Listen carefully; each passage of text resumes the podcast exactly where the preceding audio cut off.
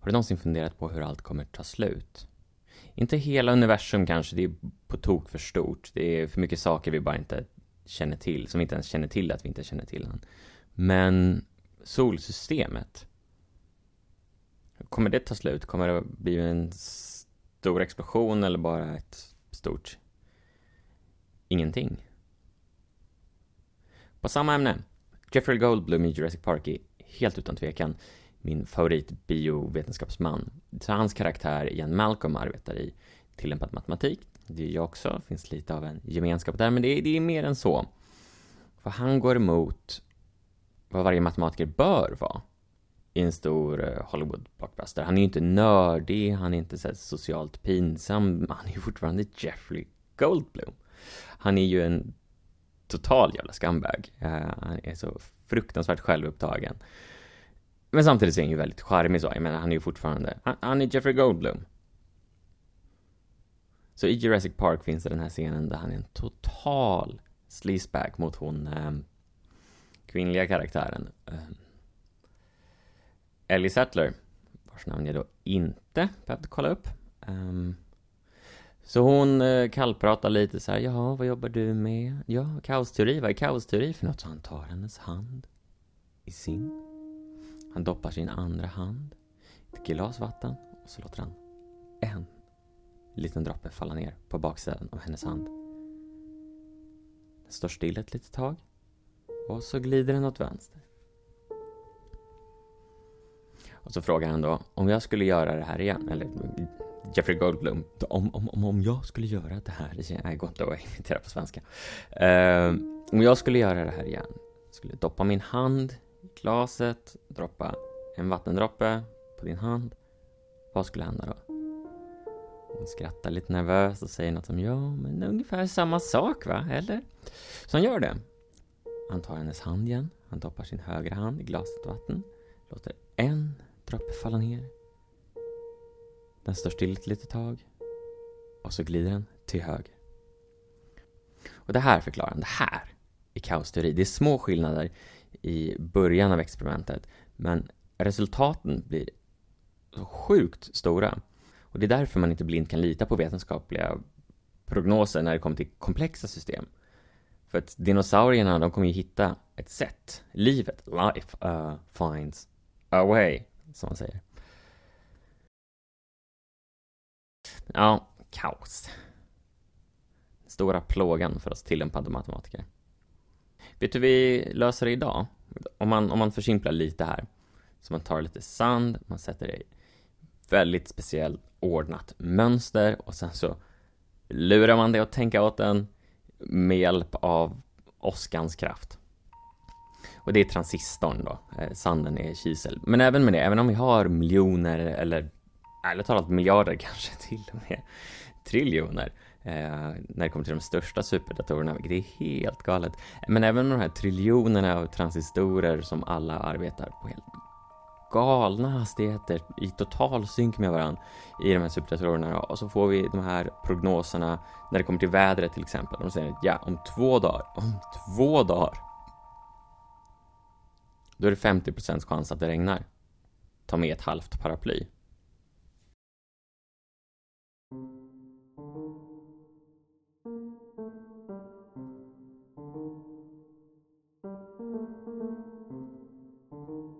Men även det är ett gigantiskt steg upp om man tänker vad vi var för hundra år sedan. Så kungen av Sverige, Oscar II, han höll på att bli lite äldre. Hans 60 födelsedag var på gång. Och som de flesta, när de kommer upp i en viss ålder så börjar de tänka på hur kommer världen vara utan dem? Kommer den fortsätta? Blir det värre? Blir det bättre? Vad händer med hans barn? Hans barnbarn? Hans barnbarns barnbarn? Så han startade en tävling han ville veta, solsystemet. Är det förutsägbart? Är det stabilt? Vilket är en sjujävla 60-årspresent. Jag menar, okej, okay, jag fyller snart 30. Kan någon lösa det här med mörk energi? Tack så mycket. Och han var ju medveten om att det här var en gigantisk förfrågan. Han hade ju vetenskapsrådgivare, speciellt då Gösta Mita Gleffler, vilket kommer bara vara det näst fånigaste namnet i den här historien. Oskar den andra, fånigt namn. Men även om någon gjorde bara små framsteg till den här frågan så skulle det vara det skulle vara en sån stor succé för vetenskapen och stora hela, för sen Newtons tid, mer eller mindre, så hade folk tänkt att universum är ungefär lite som en klocka. Eh, vilket innebär att allt bara tickar på enligt vissa regler och att allt upprepar sig själv och att allting på de stora skalorna och så faktiskt är statiskt. Vilket är helt orimligt egentligen. Om, om vi tänker på Newtons gravitationslag här. Eh, liten sidebar, jag lovar att komma tillbaka till poängen. Men de statiska stjärnorna, fixstjärnorna som de kallade dem, de kan ju inte vara statiska såklart. De bör ju också känna av gravitationen. Eller hur? Vilket innebär att om allting faktiskt var helt statiskt så skulle all gravitation på varenda stjärna balansera ut. Så nettogravitationen, nettokraften, skulle vara noll. Så till exempel om vi hade ett eh, oändligt universum och vi kanske har uniformt fördelade stjärnor så att oavsett åt vilket håll man tittar så ser man ungefär lika många stjärnor. Det, det var så de flesta kom runt problemet. De tänkte att ah, jo, men det löser sig på stora skalor. Det, det, det är fine liksom. Men det spännande här är att de gick igenom en, en våg av upptäckt att det finns inget sätt detta stämmer. Jag menar, en galax är ju inte uniformt distribuerad, den är inte jämnt utspridd. Den är ju en disk. Det, om du tittar upp eller ner i en galax så ser du mer eller mindre inga stjärnor. Lätt överdrift här då, men jämfört med höger och vänster där ser man ju väldigt många stjärnor. Men ändå, idag, så har vi den här underliggande antagandet om att ja, men allt är nog ganska jämnt fördelat. Vi antar bara att skalarna är betydligt större. Om, om man kollar på de här skalorna där en galax bara är en liten, liten, liten, liten, liten, liten, liten, liten prick. Så kanske det är jämnt fördelat. Så ju mer saker förändras, desto mer är allt samma, antar jag. I alla fall, Newtons egna take på det här var rätt spännande. Han tänkte att stjärnorna borde ju flytta på sig, enligt gravitationen och allt sånt. Men vi, vi vet, vi vet att de inte gör det. Så den enda lösningen här, den enda lösningen man kan tänka sig, tänkte Newton, var Guds kärlek. Du förstår, för att Gud kommer ner från sin plats i himlen och ser till lite då och då att stjärnorna åker tillbaka till sina rätta ställen. Det är hans sätt att visa sin kärlek för mänskligheten. Och alltså, även i Newtons tid var det här väldigt ovetenskapligt och, och, även folk som kanske tänkte att det här stämde någonstans tyckte att det är väl marginellt svårt att bevisa, hörru du, Newt.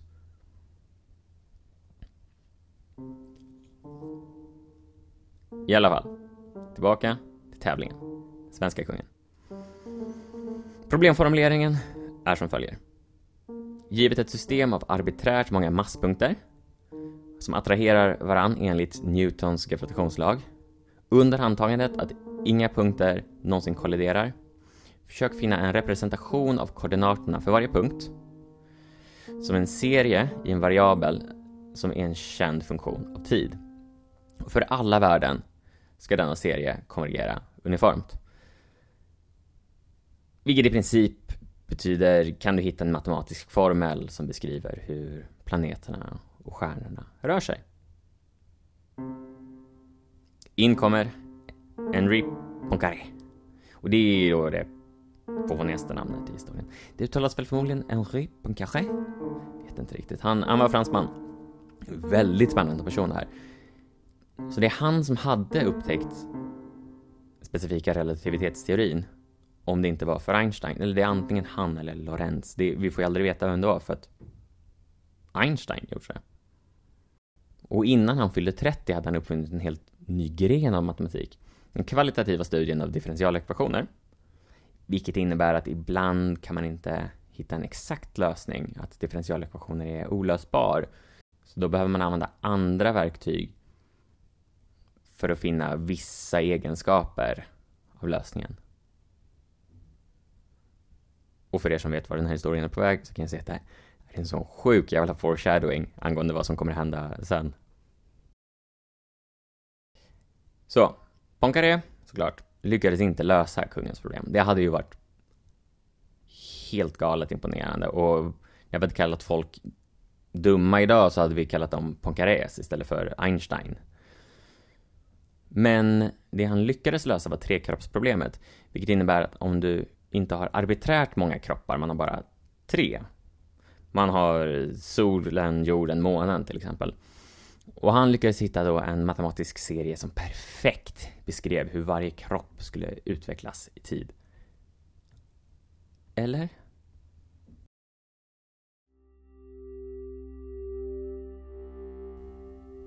Han vann priset. Grattis! Woo! Artikeln skickades iväg till pressarna, de började trycka den. Och det var då någon upptäckte ett litet misstag. Ja, när man satsar på en sån här pytteliten grej. Ingen, ingen, ingen, ingen big deal så, det var bara en liten grej. Men matematik är en exakt vetenskap. Faktum är att det inte är en vetenskap om vi nu ska vara exakta. Matematik är exakt vetenskap, är något annat. Så han, okej, såklart, som var en sensibel, ansvarstagande vetenskapsman och gentleman. Han hörde av sig till Gösta Mita Gleffler och sa Ja, så vi har hittat det här problemet. Jag är inte helt hundra på att jag kan lösa det. Jag kommer göra mitt allra bästa. Och Mita Gleffler, som då var, var nu motsatsen till en sensibel vetenskapsman är, la fram förslaget att mm, nu kanske det är Henry Poincaré som ska betala för tryckandet av artikeln. Även fast det hade ju varit Mita Glefflers jobb att hitta den här typen av fel, även fast själva priset var betydligt mindre än tryckkostnaden. Men Poincaré gjorde det, han betalade. Sen så la han ett par år för att försöka få tag på varenda kopia, varenda exemplar. Så att folk inte skulle se hans stora blunder, så att den inte skulle sprida sig i stora världen. Och samtidigt så arbetade han dag ut och natt in och försökte hitta själva felet i hans sats. Och försökte fixa det. Han lyckades till slut ta reda på var det började någonstans. Det var ett litet antagande han hade gjort. Han antog att man hade ett litet fel i början av simuleringen, eller i början av det matematiska systemet. Så kommer det fortsätta vara ganska litet allt eftersom systemet utvecklas. Men det stämmer ju inte för trekroppsproblemet, det vet vi nu. Trekroppsproblemet är kaotiskt. Det är den typ av sak som Jeffrey Goldblums karaktär förmodligen studerade innan han kom och mötte dinosaurierna. Och ärligt talat, här tyckte jag att Poincaré hade löst problemet. Som Oskar den andra frågade om. Nej, den specifika problemformuleringen handlade såklart om matematisk funktion som skulle förutspå positionerna efter en arbiträr mängd tid hade passerat och en arbiträr mängd kroppar eller planeter och de här arbiträra massa. Och det, det är ju inte ens nästan vad Poincaré gjorde. Absolut inte. Det han faktiskt gjorde var att han visade att om man hade tre kroppar eller fler så kommer en sån lösning inte hjälpa. Du behöver veta de exakta positionerna, de exakta hastigheterna av alla planeter, alla stjärnor, varenda molekyl. Och det kommer du ju aldrig ta reda på. Det kommer alltid ha något litet mätfel någonstans. Och allt eftersom tiden går så kommer de här mätfelen växa och växa och växa. Och sen så kommer du tro att vattendroppen åker åt vänster. Men faktiskt så åker den åt höger. Men om vi ska vara helt ärliga här så han behövde betala tillbaka ja, alla prispengar och lite till. Men han fick behålla priset eh, och han fick ju behålla på något sätt äran. Och det han hade upptäckt här var ju då kaosteori och det är en sån vacker och så fruktansvärt rikt ämne att folk ignorerade det. I ett sekel, det var ingen som bryr sig. Och faktum är, snubben som brydde sig allra minst, eh, en generation senare så kom eh, en finsk matematiker, Karl F Sundman, och han lyckades bevisa vad Poincaré hade försökt bevisa. Han hade på riktigt löst trekraftsproblemet. Han hade funnit en matematisk funktion som kunde skriva positionerna av de här tre planeterna när de dansade runt varandra. Men det hjälper ju inte. För att så fort som du har ett litet mätfel så är det inte vad som kommer hända till slut. Men om vi ignorerar de astronomiska aspekterna och bara tittar på det som en bit matte, då är det ju rätt fint. Eh, så han blev en utländsk medlem i eh, Svenska Kungliga Vetenskapsakademin och han fick en krater på månen döpt efter honom. Väldigt imponerande. Det finns en asteroid, 1424 Sundmania, som är döpt efter honom. Och som kronan på verket så avslutades allt med ett ytterst prestigefullt pris från den franska vetenskapsakademin också.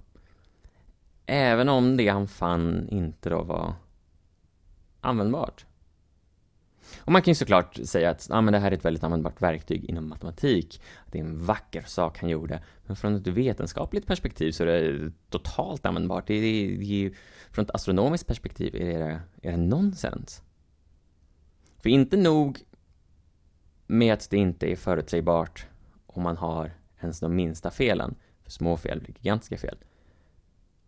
Hans funktioner, hans matematiska funktioner, var en oändlig serie. Så det saknar i princip praktiskt värde. Du behöver räkna det här mer eller mindre till oändligheten, klart att det konvergerar, men det tar ett sjujävla tag. Men ja, det stoppar inte folk från att ge honom massa beröm. Men det generella problemet då? För än så länge har jag bara pratat om trekroppsproblemet, det var inte ens vad kungen ville veta om. Han frågade vad som hände om man hade arbiträrt många kroppar. Och det här visste inte jag innan jag började göra research för dagens avsnitt. Det är löst. Det löstes på 90-talet. 1990-talet. Det var väldigt nyligen eh, av en snubbe som heter Shidong Wan. Så han lyckades hitta en global lösning till enkroppsproblemet. Så Carl F Sundman, okej, okay? han fick alla de här priserna och alla grejer döpta efter sig. Eh, och även Poincaré fick ju sitt pris och idag är han väldigt, väldigt känd. Delvis för det här och delvis för hans arbete i topologi som är riktigt bra. Men den andra snubben då?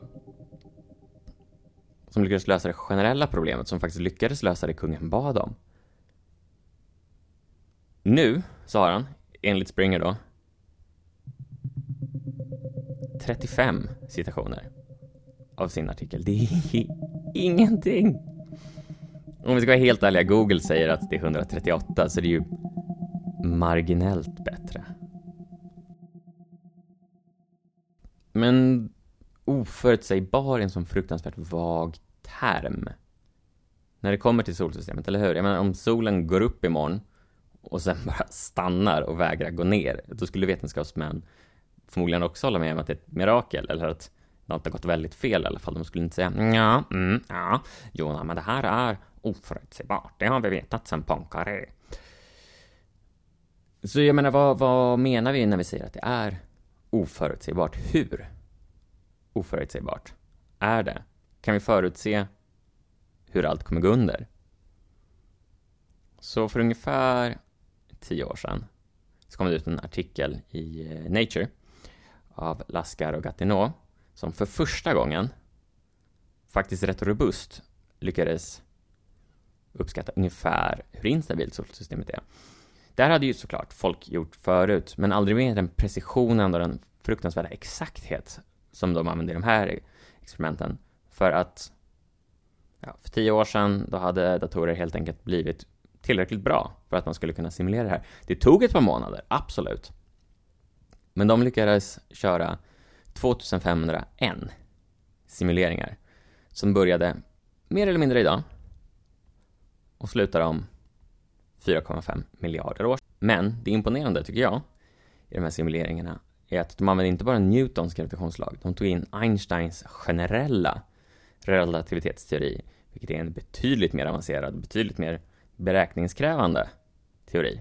Men okej, okay, vad var det de ändrade från en simulering till nästa? De hade ju 2501 stycken. De ändrade en endaste grej.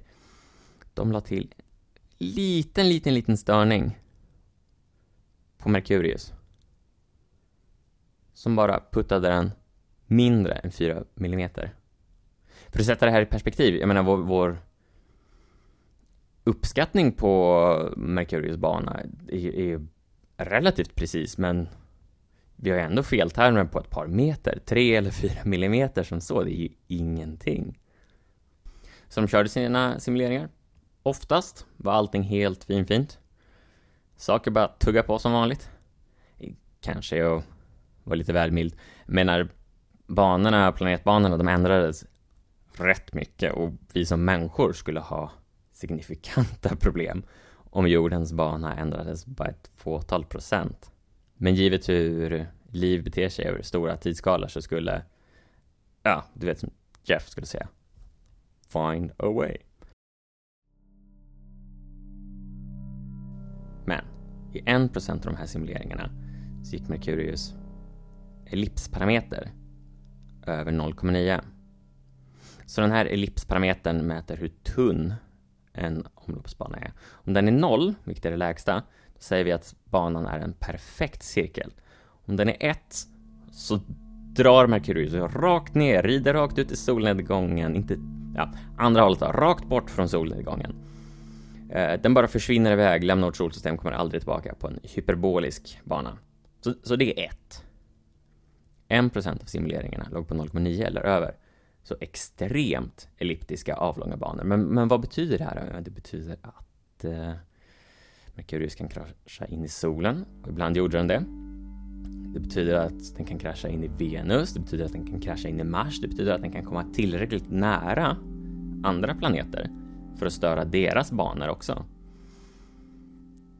Så min favoritsimulering som de gjorde var 468. Mars och jorden kom rätt nära varandra. När de var allra närmast så var de 80 mil ifrån varandra. 80 mil! Det är gångavstånd. Jag menar absolut, du behöver vara ganska bestämd som vandrare och du behöver ha relativt mycket fritid. Men hot take, bara min åsikt. Astronomiska avstånd ska inte vara gångavstånd. Då har något gått fel. Så jag menar, om det här skulle hända så Mars skulle ju mer eller mindre bara falla isär. Det skulle bli helt sönderrivet av de här krafterna från jorden, vilket skulle bli suboptimalt. Om det fanns något liv kvar här. I och med att väldigt mycket debris skulle bara falla från Mars rakt på oss.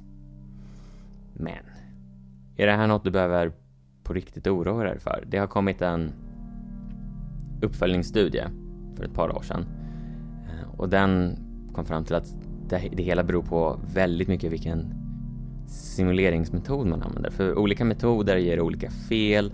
Det beror även på vilket koordinatsystem man använder. Man kan använda det heliocentriska, där solen är i mitten, eller Jacobi-koordinatsystem, vilket är ett specialgjort för just trekroppsproblemet eller enkroppsproblemet. Så kan vi lita på den här 1%, en ganska hög siffra? Nej, nej det kan vi inte. Den riktiga siffran är betydligt högre.